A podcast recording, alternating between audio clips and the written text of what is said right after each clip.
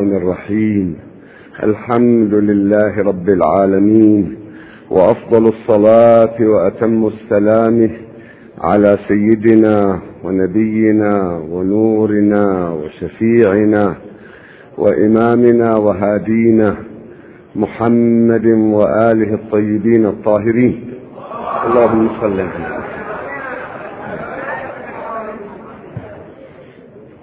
السلام عليكم أيها الإخوة المؤمنون ورحمة الله وبركاته.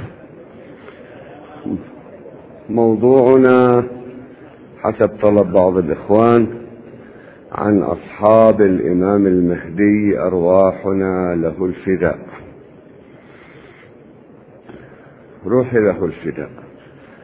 صاحب العمر الطويل الذي عايش أنواع العصور أنواع الناس وسيعايش وسيحكم أطول حاكم في الأنبياء والأئمة بمدة حكمه هو روح له الفداء. الحديث الصحيح اعتقادي يحكم بعدد سني أهل الكهف ثلاثمائة وتسع سنوات. واللي يقولون أنه سبع سنوات يحكم سبعا هذه رواياتها ما مقبولة عندنا. الإمام روح له الفداء مد الله في عمره. يختلف عن بقية الأنبياء والأئمة. للأنبياء غيبات نعم فيه شبه من عديد من الأنبياء. غابوا عن قومهم ورجعوا. بعضهم كان عمرهم طويل كنبي الله نوح مدة نبوته ألف سنة إلا خمسين عاما. لكن الإمام صلوات الله عليه عمره أطول. روحي لك الفداء يا وليد سامراء. آه على سامراء. ظلامات النواصب لأهل البيت عليهم السلام. ما تركت حتى مشاهدهم المقدسة المشرفة. ولكن متعودين هم هم وأتباعهم متعودين على تحمل الظلم عبر العصور حتى يحين وعد الله وينبلج الفجر بظهوره روح له الفداء. ولد في سامراء روح له الفداء. وفي أي جو. لماذا أخذوا أهل البيت إلى سامراء بالأساس؟ أولا كانت العاصمة بغداد. الإمام الجواد سلام الله عليه أرادوا يخلوه بعنوان أنه هو صهر المأمون يخليه المعتصم تحت الرقابة. وأن الإمام حتى بعد أن تزوج زوج المأمون في المدينة. أهل البيت عليهم السلام قاعدة عندهم مسكنهم المدينة. إلا إذا اضطروا يغادروا ثم يرجعوا. أمير المؤمنين عليه السلام نقل العاصمة وبقي هناك. لكن بقية أهل البيت صلوات الله عليهم مسكنهم المدينة. اضطر الإمام الصادق سلام الله عليه فترة المنصور فرض عليه الإقامة الجبرية في الحيرة والكوفة فترة سنتين وكانت فترة نشر فيها العلم. الإمام الرضا سلام الله عليه فرض عليه أن يأتي إلى طوس. أجبر. الإمام الجواد سلام الله عليه أجبر على أن يأتي إلى بغداد وإلا الزوج بقي في المدينة لكن بعدين أجبروه جاءوا به. من بعده الأئمة صلوات الله عليهم ال ال الإمام الهادي والإمام العسكري أجبر أيضا. الإمام الهادي سلام الله عليه أجبر وأتي به قهرا قوة عسكرية إلى العاصمة. العاصمة كانوا ناقليها من بغداد إلى سامراء فسكن في سامراء في سامراء طبعا خليفة والخلفاء والوزراء والشخصيات وغيرهم لكن نور بيت أبناء الرضا يسمونهم الأئمة من أبناء الرضا. نور الإمام الهادي والإمام العسكري سلام الله عليه واضح للجميع. أم المتوكل يمرض ابنها الملعون المتوكل. المن تنظر نذر تنظر نذر للإمام الهادي سلام الله عليه وللإمام العسكري. يعني حتى أعدائهم عندهم اعتقاد بهم. لاحظوا هذه نيشابور مركز تأسيس المذاهب نيشابور المذاهب تأسست بنيشابور البخاري دارس في نيشابور مسلم من نيشابور كبار الأئمة ابن راهويه ابن خزيمة ابن فلان ابن فلان. هؤلاء هم الذين هم بفقههم بخطهم مع الدولة العباسية ومع الأمويين ضد أهل البيت عليهم السلام. لكن إذا صار شعبان نيسابور في وقت اللي كانت هي مركز لأئمة يسمونهم إمام الأئمة. أئمة الأئمة مالتهم. وإذا بهم قوافل في زيارة الإمام الرضا صلوات الله عليه واللي عنده حاجة يروح يطلب يتوسل يبكي ويقول هذا ابن حبان وابن خزيمة ما طلبت مرة طلب من الله توسلت بعلي بن موسى الرضا إلا استجاب.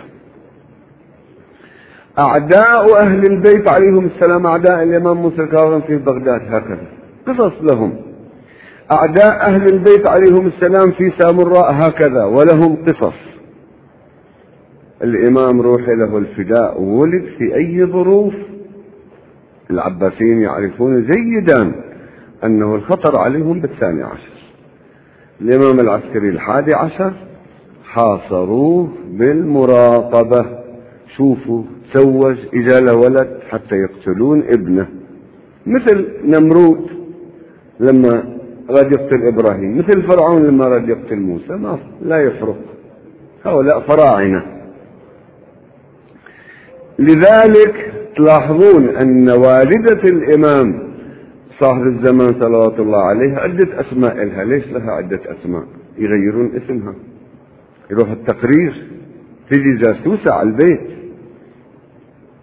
هذه شو اسمها؟ يغيرون اسمها.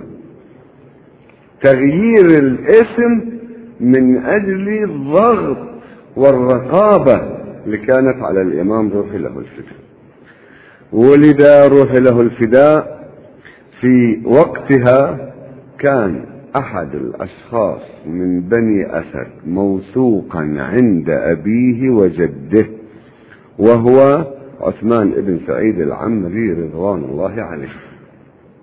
هذا من بني أسد. فليفخر بني أسد. بهذا فليفخروا. والمناسبة بني أسد والقبائل أنا أحب أن تكتب القبائل تاريخها وتفتخر بأصحاب النبي وأهل البيت عليهم السلام. هذا تاريخ مشرف. وكم من القبائل العربية خاصة قبائل العراق اللي فيها شخصيات غير عادية. هؤلاء من أصحاب النبي والأئمة عليهم السلام من كبار العلماء. فليهتم كل قبيلة تكتب تاريخ الشخصيات البارزة حملة الرسالة الأبرار الأخيار العلماء. هؤلاء فخر القبيلة هؤلاء فخر قبائل العرب. سعيد بن عثمان العمري رضوان الله عليه من بني أسد هو السفير الأول. هؤلاء أول الأصحاب. ابن محمد بن عثمان بن سعيد العمري السفير الثاني. يعني الإمام المهدي روح له الفداء. اعتمد على سفير معروف للشيعة عموما موثوق من أبويه ومعروف لهم. وهذا سفيره الأول. الثاني ابنه وأمر أن يروح إلى بغداد. وسكن في بغداد. إذا نستطيع أن نقول أن أصحاب الإمام روحي له الفداء عدة أقسام. أولهم السفراء. هذا القسم الأول. القسم الثاني الأبدال. الأبدال الذين يعملون معه في غيبته. هؤلاء الأبدال يعني كلما مات منهم شخص استبدل بشخص آخر. هؤلاء ما يمد في عمرهم. ربما بعضهم يمد في عمره عشرة عشرين ثلاثين. إمام يدعو لموضوع آخر. لكن تجري عليهم القوانين الطبيعية. هؤلاء الأبدال نعم المنزل. طيب الإمام أيضا مسكنه الأساسي آه، في في المدينة. نعم المسكن. طيب الإمام الصادق يخبر عنا ويحدث عنا الأئمة عليهم السلام. لاحظوا عن غيبة الإمام روح له الفداء. رسول الله صلى الله عليه وآله حدث الناس.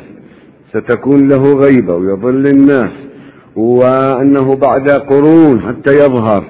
وعما قريب ستلتف القرون بالقرون. أمير المؤمنين عليه السلام يقول الأئمة كلهم أخبروا عن غيبته عن أصحابه عن حركة ظهوره وأحاديث روتها الشيعة والسنة. لذلك الآن الكل متفقين على حركة ظهور الإمام سلام الله عليه كيف أنه يكون في المدينة يتوجه إلى مكة يخرج من مكة إلى المدينة إلى العراق إلى الشام إلى القدس إلى العالم. هذه حركته متفق عليها سلام الله عليه. إذا أصحاب الإمام. روح له الفداء خلينا نعطيكم بالأول فهرس عنهم وإن شاء الله ما نطيل الليلة حتى نستمع إلى أسئلتكم. القسم الأول السفراء. الثاني الأبداس ليقول عنهم الإمام الصادق سلام الله عليه أنه لابد له من غيبة ونعم المنزل طيبة وما بثلاثين من وحشة. هؤلاء أقلهم ثلاثين. هؤلاء الأبدال المباشرون ثلاثين وإلا الواحد منهم يمكن يشغل عنده عشرة وعشرين ومائة شخص مائة نفر.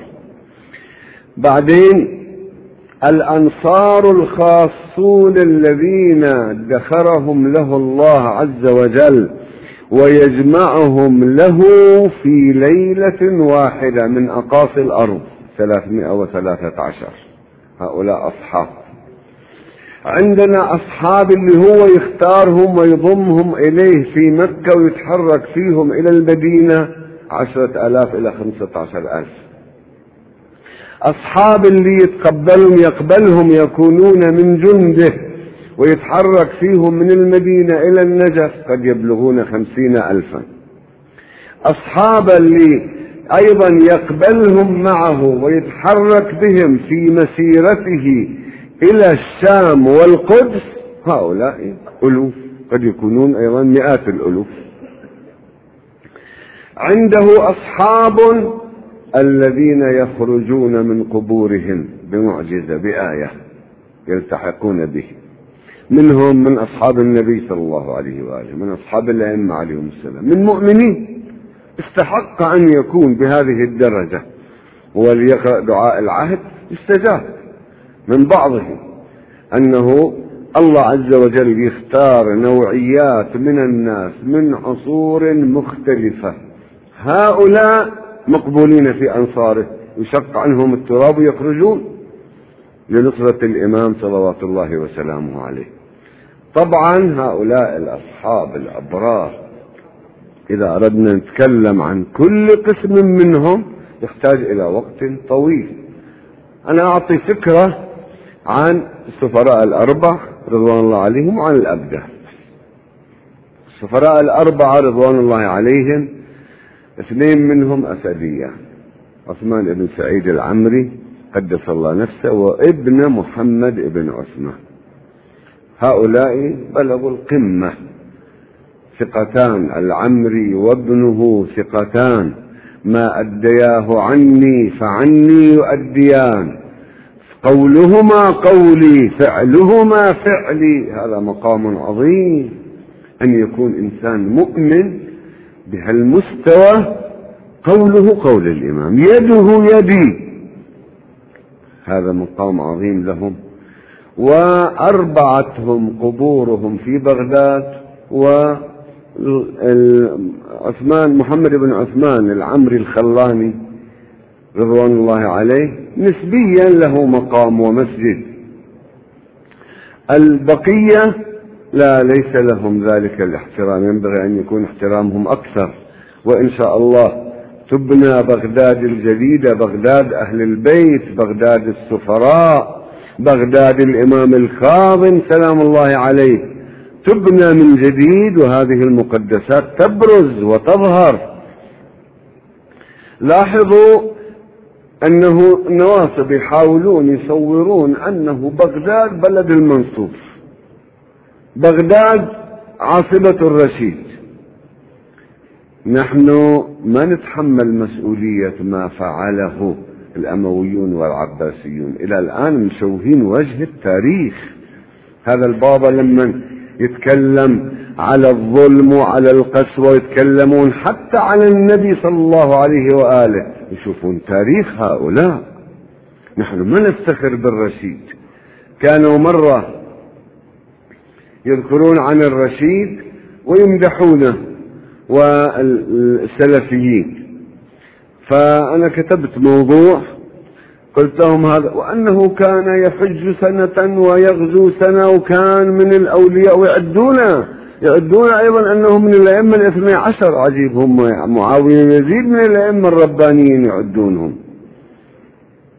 ليش من الأئمة الاثني عشر؟ لأنه ثابت عند الجميع أن النبي صلى الله عليه وآله بشر الأمة في عرفة بحجة الوداع ويرويها البخاري ومسلم وغيره أنه بشر الأمة النبي صلى الله عليه وآله. قال لهم الأئمة من بعدي اثنا عشر. طيب منهم لما وصل قال وصل إلى هويتهم. تحديد الهوية يقول ما خلوني أسمعها. بصحيح مسلم يقول قال كلمة أصمنيها الناس. ما خلوني قاموا قعدوا لغطوا. محرمين بعرفة يسمعون نبيهم وودعهم. يقول قالوا من قريش؟ من قريش. الأئمة من قريش؟ من قريش. من أي بطن من قريش؟ غرسوا في هذا البطن من هاشم. لا تصلح الأمة إلا بهم. هذه غيروها. المهم أن الأئمة الاثنى عشر بشر بهم النبي صلى الله عليه وآله ويحاولون دول يطبقوهم. طيب طبقوهم. أبو بكر وعمر وعثمان وعلي ومعاوية يزيد توقف الحسبة. بعضهم لا. إمام رباني. يعني الله جعلهم أئمة لا يضرهم تكذيب من كذبهم. 12 إمام رباني من بني إسماعيل وإلى الآن في التوراة أن إسماعيل سيكون أمة كبيرة عند الكعبة ويكون من ذرية 12 إمام. إلى الآن أين هم هؤلاء؟ الذين بشر بهم النبي صلى الله عليه وآله. تعالوا يدخلون بني أمية فيهم أكثر من 12 العباسيين صاروا المستنقع شيلوا حط شيلوا حط طيب اللي تقول عنه إمام رباني من الله هو ما يعرف نفسه ما ادعاها أحد لنفسه إلا أهل البيت صلوات الله وسلامه عليهم. مهم هارون الرشيد الرشيد والمنصور بعضهم يعدهم إمام رباني. قلت لهم من منكم كتبت موضوع من منكم يكون قصابا عند هارون الرشيد؟ هارون الرشيد لما اجى إلى طوس اجى إلى يتفقد مملكته وجاء إلى طوس وكان مخلي ولي عهد ابن الأمين ومن بعد المأمون. ثم وهو كان يقول أنهم مخلين مخلين جواسيس عليه الأمين والمأمون. ولما ينزع الثياب يريد يروح للحمام جواسيسهم يشوفونه ليش عنده غدة؟ سرطان يظهر. يشوفونه كبرت ولا؟ حتى يروحوا يبشرون ولي العهد. بأن الحمد لله هذا موت قريب.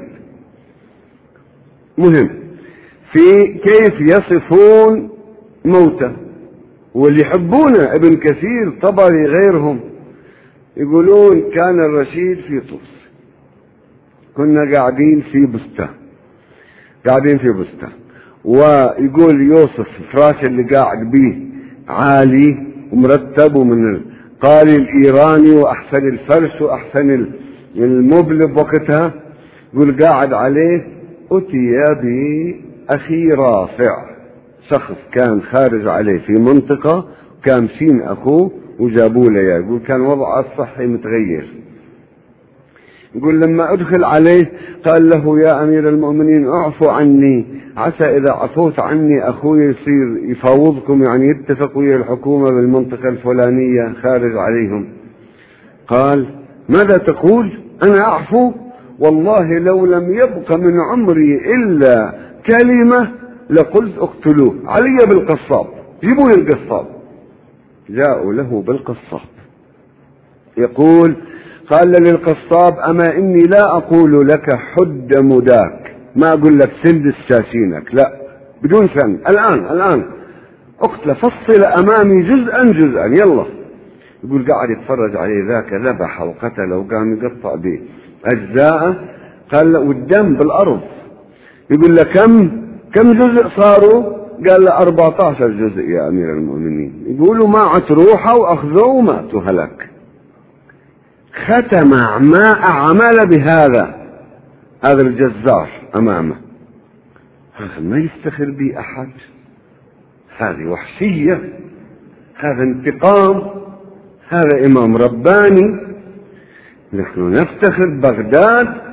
بلد الإمام موسى بن جعفر صلوات الله عليه ليقول عنا أئمة المذاهب وعلمائهم قبر موسى بن جعفر هو الترياق الترياق النافع.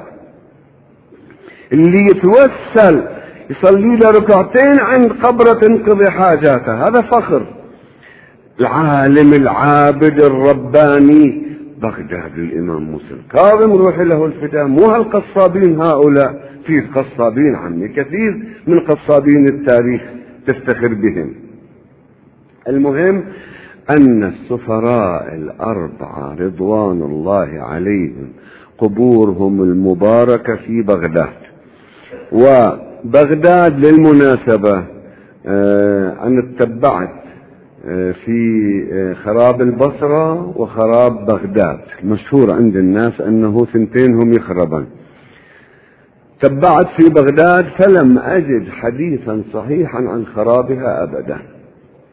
واضعين الأمويين لأن أمير المؤمنين عليه السلام هدد أنه الشام لأنقضن الشام حجرا حجرا أفعلها أنا أو المهدي من ولدي صلوات الله عليه.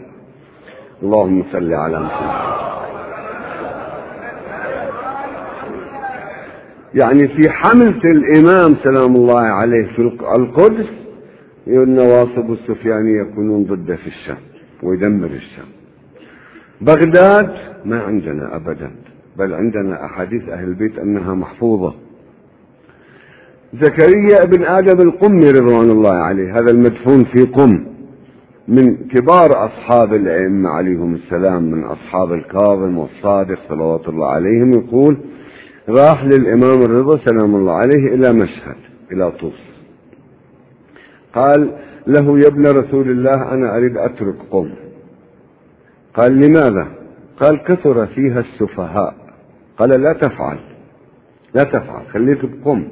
وموت في قم واندفن في قم. فإن الله يدفع بك عن أهل قم كما يدفع بأبي إبراهيم يعني أبي الإمام الكاظم عن أهل بغداد. يدفع. يقولون الآن مصايب ومشكلات لولا وجود المعصوم كان المقدر أكثر. حتما يدفع حتما. وما عندنا رواية أنه حتى يمر المار ويقول هنا كانت بغداد ولا واردة لا عن معصوم ولا في مصدر معتبر من مصادرنا أبدا.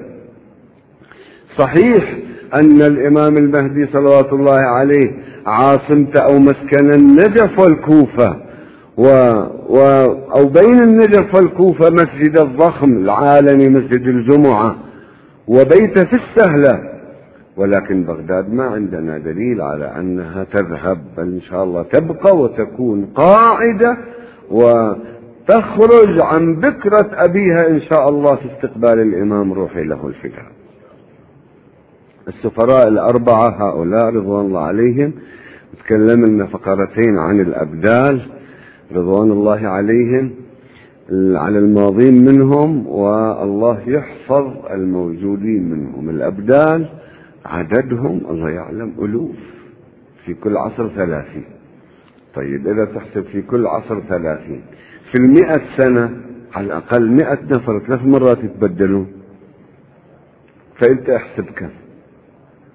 بعدين ليسوا وحدهم بل معهم ناس يشغلون ناس كثيرين. واحد موثوق يقول له أنت من من الأبدال من أصحاب الإمام؟ قال له لا عمي. أنا بيني وبين الإمام سبع أشخاص. أنا موكلني واحد بشغلي بشغله أستاذي إلى أن أصل إلى الإمام سبع نفرات بيني وبين الإمام روحي له الفدا هؤلاء الأبدال يلتقي بهم الإمام صلوات الله عليه. ماذا عملهم؟ عملهم عمل الإمام روحي له الفدا واحد يسأل الإمام الصادق سلام الله عليه أنه ماذا يعمل في غيبته؟ يقول له هذا يصعب أنه تستوعبوه بهالمعنى. إذا ظهر يخبركم مثل الخضر يضرب له مثل الخضر. الذي يريد أن يعرف ماذا يفعل الإمام والأبدال وجنود الله في الغيب الذين يعملون معه ينظر إلى عمل الخضر. الله بالقرآن كشف جانب من عمل الخضر سلام الله عليه. ماذا يعمل الخضر؟ قل آتيناه من لدنا علما. شو يشتغل الخضر؟ نبي الله موسى لقاه نايم على ساحل البحر وراح يتعلم منه. يومين ثلاثة ما استطاع يتحمل برنامج الخضر وهو نبي من أولي العزم الخضر له برنامج إذا برنامج يشتغل. يوم هنا يوم يركب بالسفينة يروح للقرية. يوم هذا الولد الشرير يريح أبويه منه. يوم يروح يدبر له زواجه لواحد يروح يروح يتدخل في الشغلة النووية يتدخل في هالموضوع في هالموضوع. الإمام صلوات الله وسلامه عليه عند برنامج لينزل ليلة القدر في أمر الناس وفي أمر نفسه. برنامج يعني أنت سلوكك عبادتك برنامجك هالسنة برنامج الشخصي لك ينزل ليلة القدر وأمر الناس برنامج للناس. هالخدمات بهالسنة لازم تنفذ؟ خدمات في إيران في العراق في مصر في أمريكا في أنحاء العالم. ومن لها؟ من ينفذها؟ هؤلاء الأبدال. فهمهم علمهم وابعثهم طي الأرض معهم. ما يحتاجون لا مصروف ولا تذاكر سفر ولا جوازات. إذا هؤلاء كل واحد منهم عنده جزء من برنامج الإمام سلام الله عليه ينفذه ولاحظوا أن عمل الخضر سلام الله عليه كل لمصلحة المؤمنين. يمكن أن نقول أن برنامج الإمام صلوات الله عليه والخضر والأبدان وجنود الله الذين معهم عملهم أنه المجتمع البشري يسوقون إلى أن يصل ينضج ويصل إلى نقطة الظهور. كيف يكون؟ ما نعرف. أعمق من, من, من فهمنا المسألة. يتدخلون في الأمور الكبيرة. نعم أمور كبيرة وصغيرة. هؤلاء الأبدال كيف يختارون؟ يكفي هذه القصة.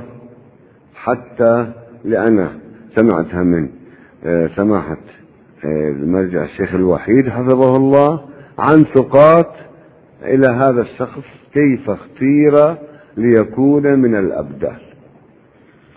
قالوا كان إنسان متدين شايب في مدرسة في مدرسة دينية في تبريز لكن كان مثلا كان مثلا للأبرار للإنسان المحب الخدوم اللي الملتزم بالآداب.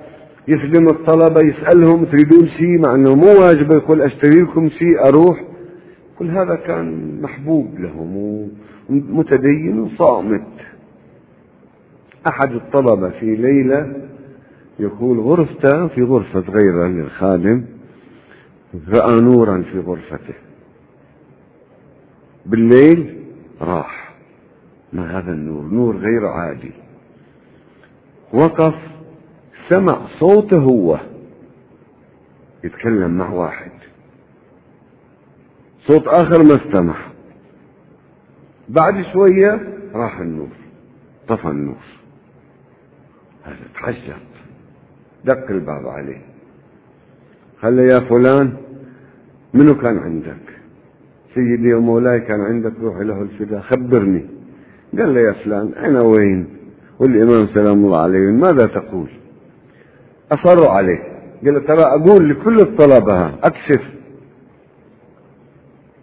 يقول قال له أما إن كان ولا بد ما لازم تقول لأحد. ما أعرف ليش الله أراك هذا. أنا اختارني أخبروني أنه الإمام سلام الله عليه واحد من الأبدال توفي وأنا اختاروني بدالة. قال له متى يأخذونك؟ قال له واعدوني يوم الجمعة ظهرا. قالوا لي يوم الجمعة بعد الأذان نجي نأخذك. كل هذا الطالب صار شغلته يراقب ذاك. ذاك أيضا على وضعه.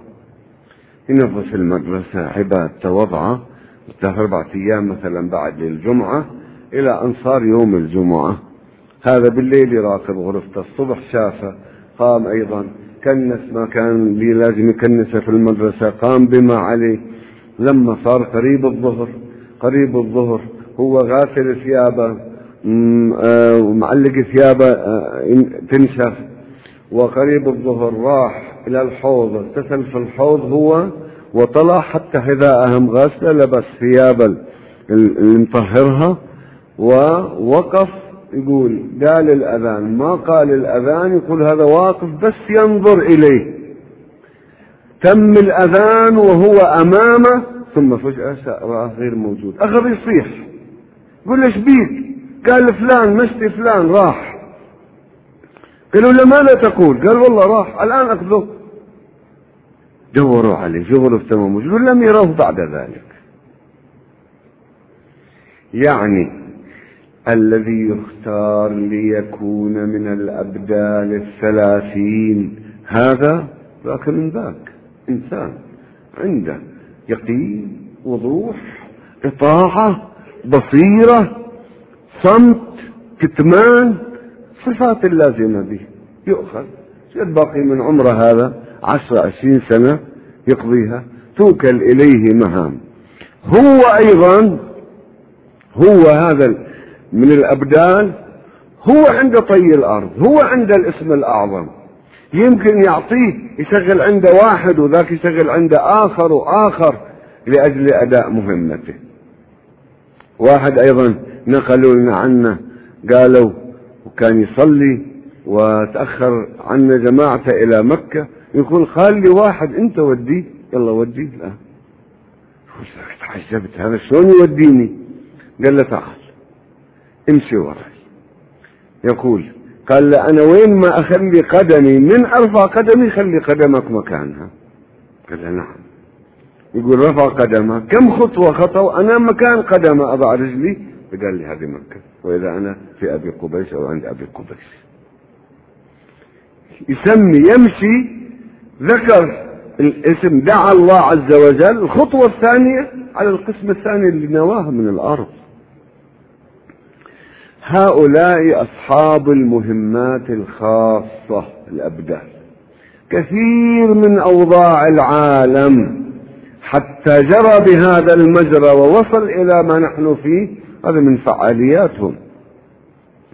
الله عز وجل إخواني الأعزاء له فعاليات في الناس ومقادير فعاليات بواسطة ملائكة. فعاليات بالموت والحياة فعاليات يخلي عدو فرعون هو يربي موسى.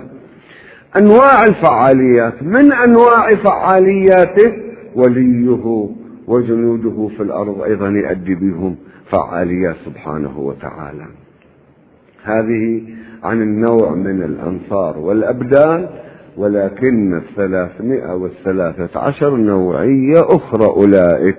وقد يكونون أرقى من الأبدال لأنه ورد فيهم عندنا مديح كبير وورد في مستدرك الحاكم ليقول لهم النبي صلى الله عليه وآله آه شوقا إلى إخواني.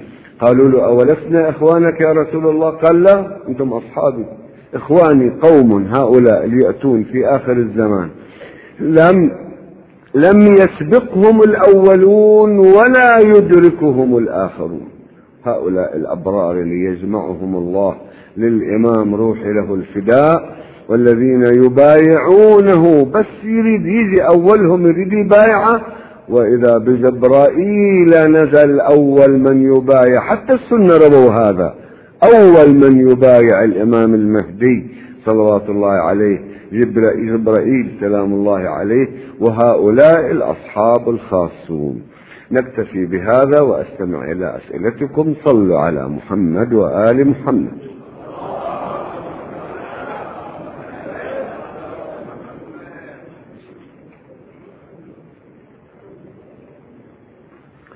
سألني الآن أحد الإخوان أنه جاي قلت له أجاوبك. سألني عن الفرق بين البراءة واللعن ويقول وما هو الواجب. البراءة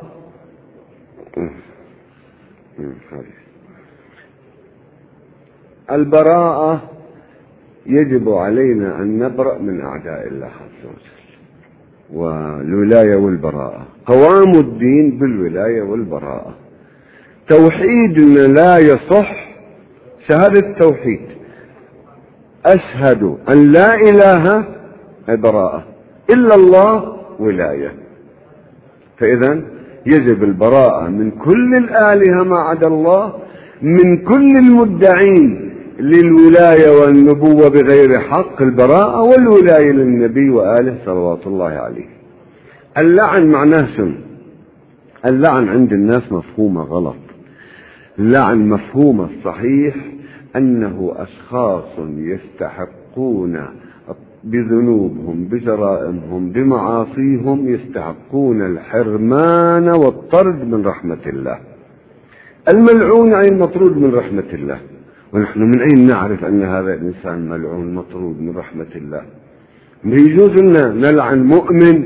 لا يجوز. ولو مئة مرة تلعنه تلعن الذي لا يستحق اللعن اللعنة يمكن ترجع على صاحبها. إذا اللعن مو بيدنا قرار من الله عز وجل بالطرد من رحمته. هذا معنى اللعن. من نعرف أنه هذا الشخص ملعون؟ يبلغنا إياه النبي والأئمة عليهم السلام. طيب هل يجب علينا أن نلعن الملعونين؟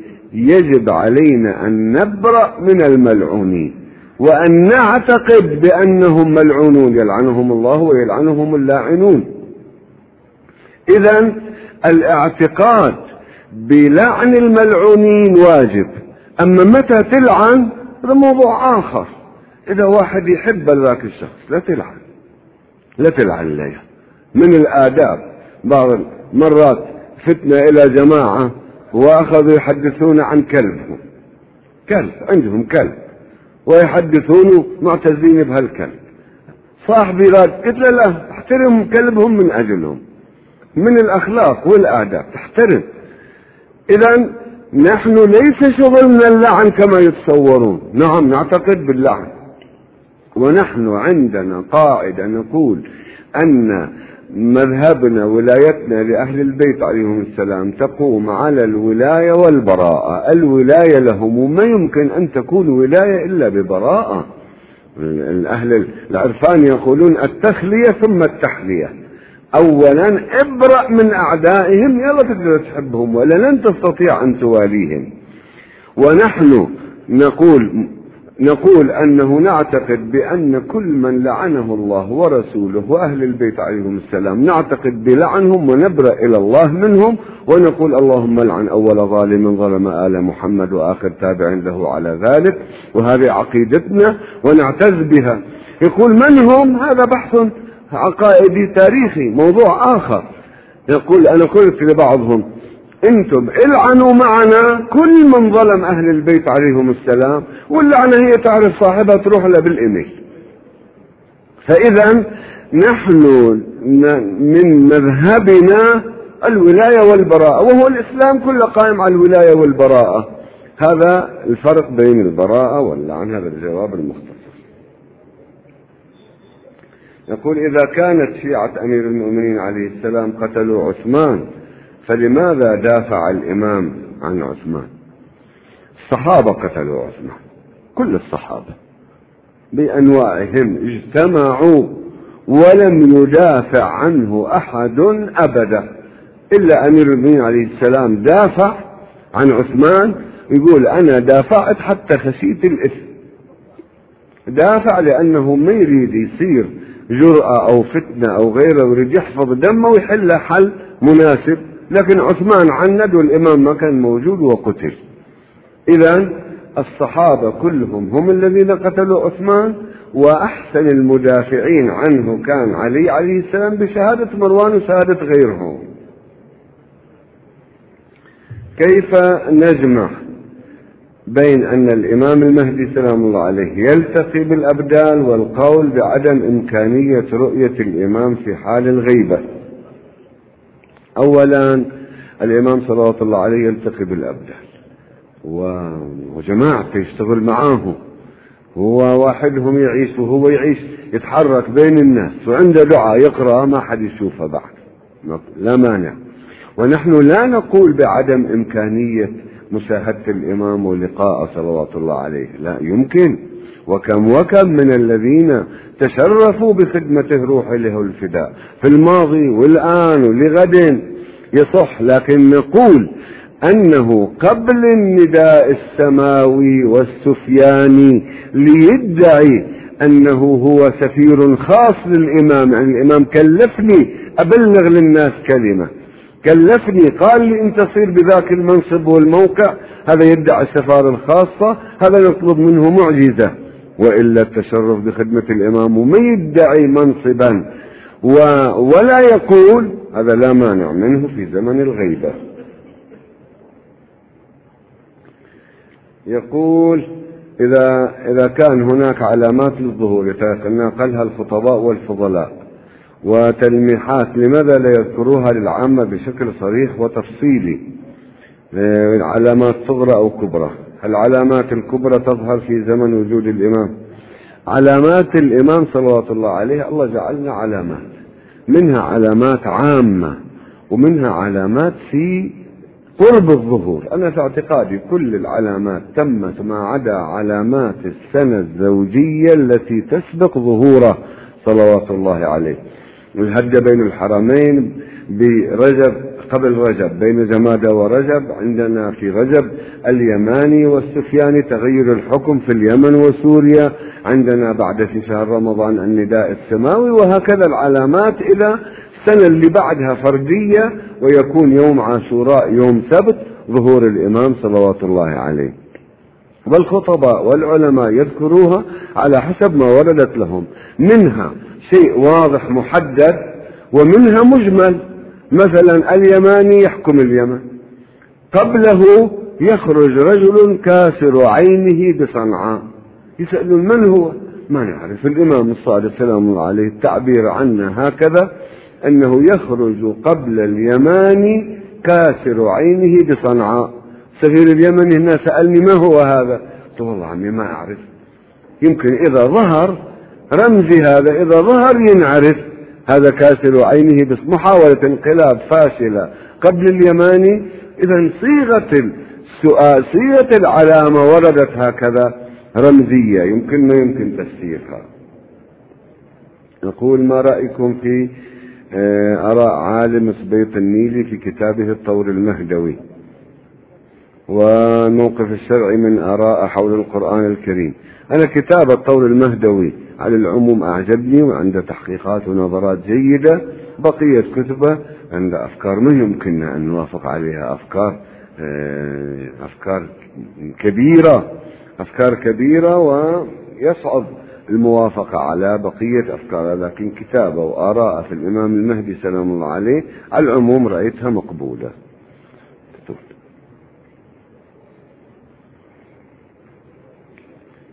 أوضح العلامات التي حدثت لحد الآن. أنا أعتقد أن علو اليهود علامة واضحة آه، أعتقد بعثنا عليكم عبادا لنا أيضا الآن. هذه يسوء وجوهكم مرحلة ليسوء وجوهكم اليهود. يعني بعد علوهم على يد شارون بدأ العد العكسي. كذلك خروج قوم من المشرق والحركة اللي صارت في إيران هي أبكر عمل ممهد للإمام صلوات الله عليه. الأحداث اللي في العراق آه، الشيطان الشيصباني الذي يقتل أخيار أهل العراق. هذا أيضا علامة. الخوف الذريع والقتل الفظيع ليشمل أهل العراق لا يقر لهم معه قرار. هذا علامة واضحة. آه، عندنا أنه يلهج العالم الناس بذكر الإمام المهدي سلام الله عليه. هذا علامة. ثورة الاتصالات اللي صارت هذه علامة نزول الروم في الحيرة. ينزلون بأبو صخير في النجف الروم جيش الروم. الأمريكي هذا علامة. غير غير. مجموعة علامات لم تتحقق في السابق تحققت في عصرنا. ولذلك نأمل أن يكون ظهور قريب صلوات الله عليه. الأعمال التي تؤدي إلى رؤية الإمام. صلوات الله وسلامه عليه. وماذا نعمل لنكون معه في ظهوره المبارك؟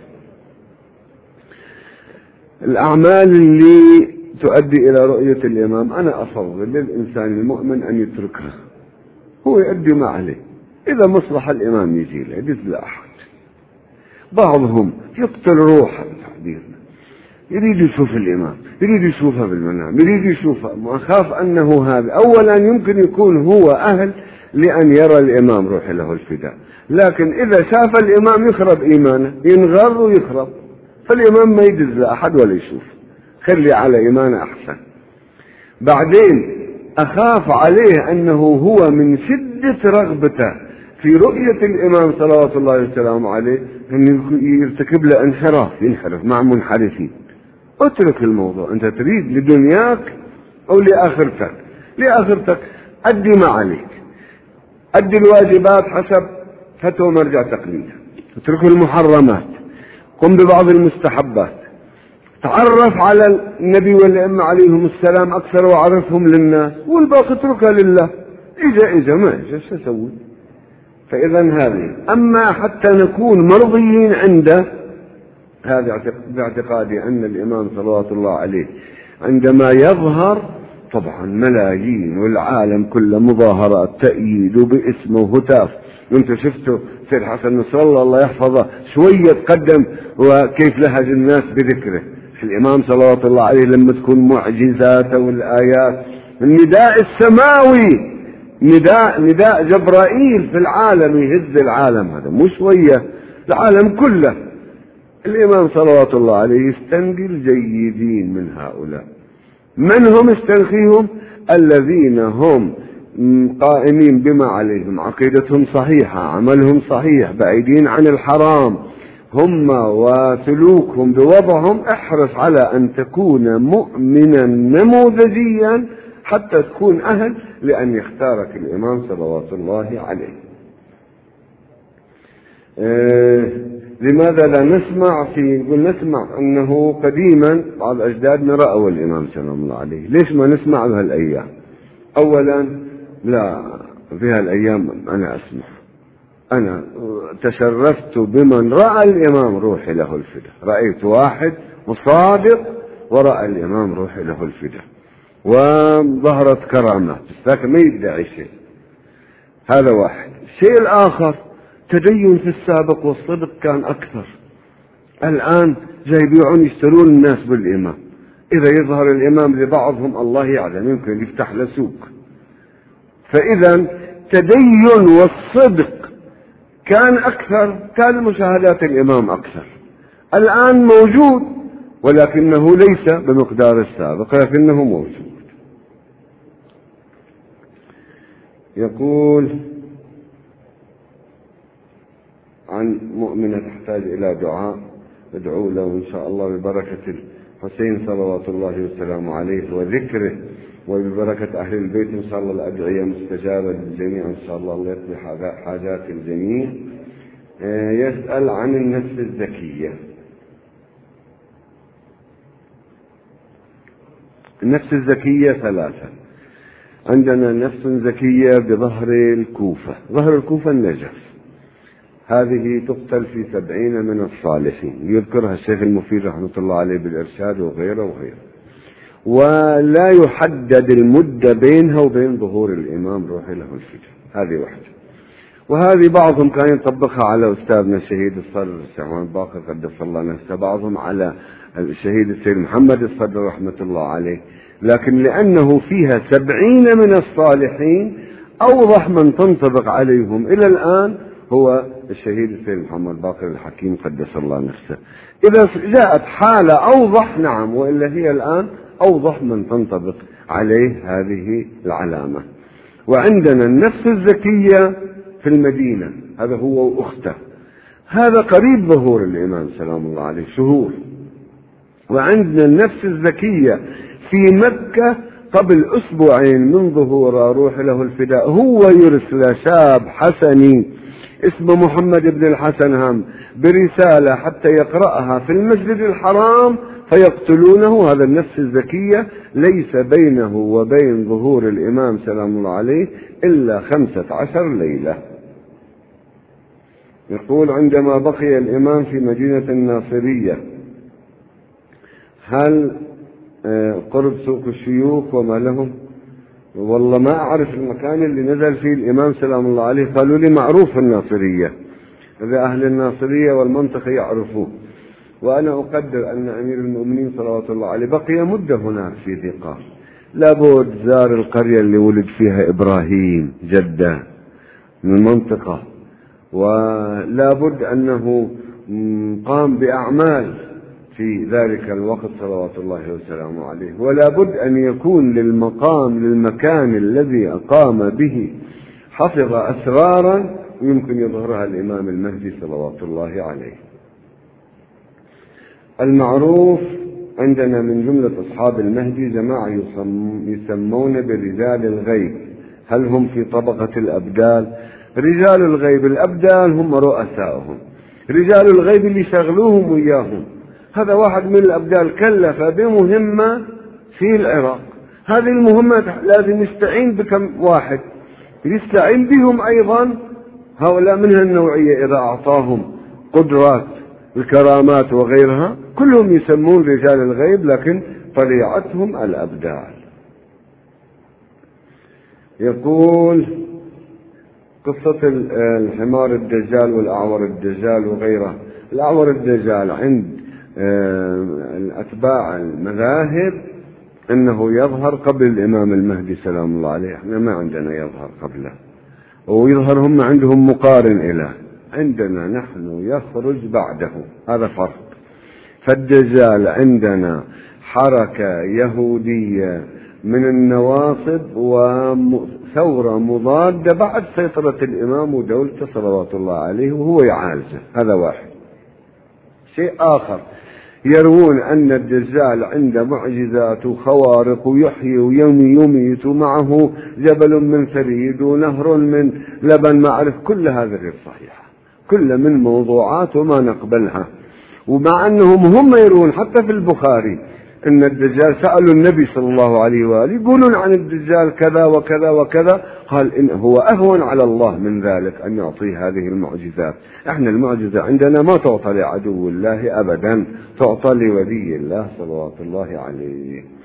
طيب نكتفي بهذا وتفضل حضرة الشيخ اقروا لنا كلمتين دعاء. أو أو أدعو الآن نختم. جماعة.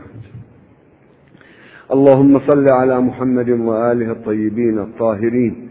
اللهم اهدنا من عندك وأفض علينا من فضلك وانشر علينا من رحمتك وأنزل علينا من بركاتك.